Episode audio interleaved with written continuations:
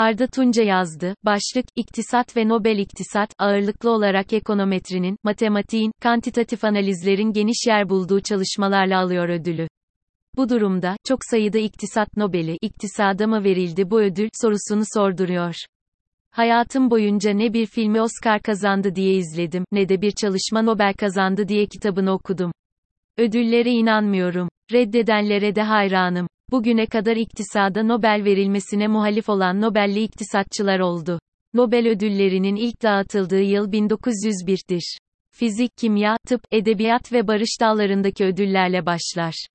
İktisadın Nobel almaya başlaması 1969 yılına denk gelir. 1976 yılının Nobel ödülü Milton Friedman'a gider ve büyük bir tartışma başlar. En yüksek ses, yine bir Nobel ödülü sahibi Günler Mirdal'dan gelir. Mirdal, iktisadı, yumuşak ve çok sayıda politik ve sosyal içerikli değişkene sahip bir disiplin olarak görür ve çizgileri, kuralları çok net olmayan bir alan olarak tanımlar. 1974'te ödülü almış bir akademisyen olarak iktisadın Nobel almaması gerektiğini savunur. Kendisinin de Nobel'i almamış olması gerektiğini de ayrıca vurgular. Nobel ödülüyle gelen paraya ihtiyacı olmadığı için parayı dağıttığını da belirtir. 1977 yılında, çok sayıda iktisatçının katıldığı bir toplantı gerçekleşir New York'ta. Mirdal, Nobel ile ilgili görüşünü kapalı kapılar ardında herkese açar. Çoğunluk, Mirdal ile hemfikirdir ama başka bir gerekçe ile. İktisadın yumuşak ve belirsizlik taşıyan yönleriyle değil, daha çok matematiksel içeriği ve kantitatif çalışmalar yönüyle ödülü aldığını ve aslında ödülün iktisada gitmediğini düşünmektedirler.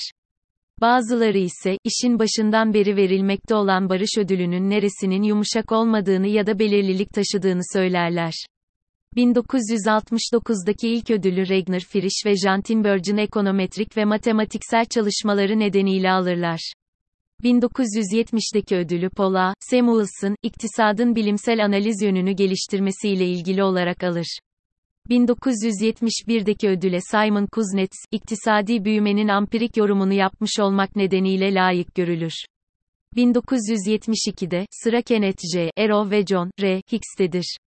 Genel denge teorisi ve refah teorisine katkıları nedeniyle verilir Nobel kendilerine. Vasily W. Leontief ise girdi çıktı modelini geliştirmiş olması nedeniyle Nobel'in sahibidir. 1977 yılında, Mirdal'ın başlattığı tartışma yıllar boyu devam eder ama 2007'de yeniden alevlenir. İktisadın Nobel alması ya da almaması gerekliliğinden çok, tartışmalar aslında iktisadın kendisinden kaynaklanıyor. İktisadın bilimsel bir yapıya kavuşmaya başlaması, matematiğin işin içine yoğun olarak dahil edilmesiyle mümkün oluyor. Ancak, matematiğin aşırı kullanımı, bu kez sosyal bir bilimin ve içinde insan olan bir disiplinin bu kadar sofistike formülle açıklanamayacağı görüşlerinin ortaya çıkmasına yol açıyor.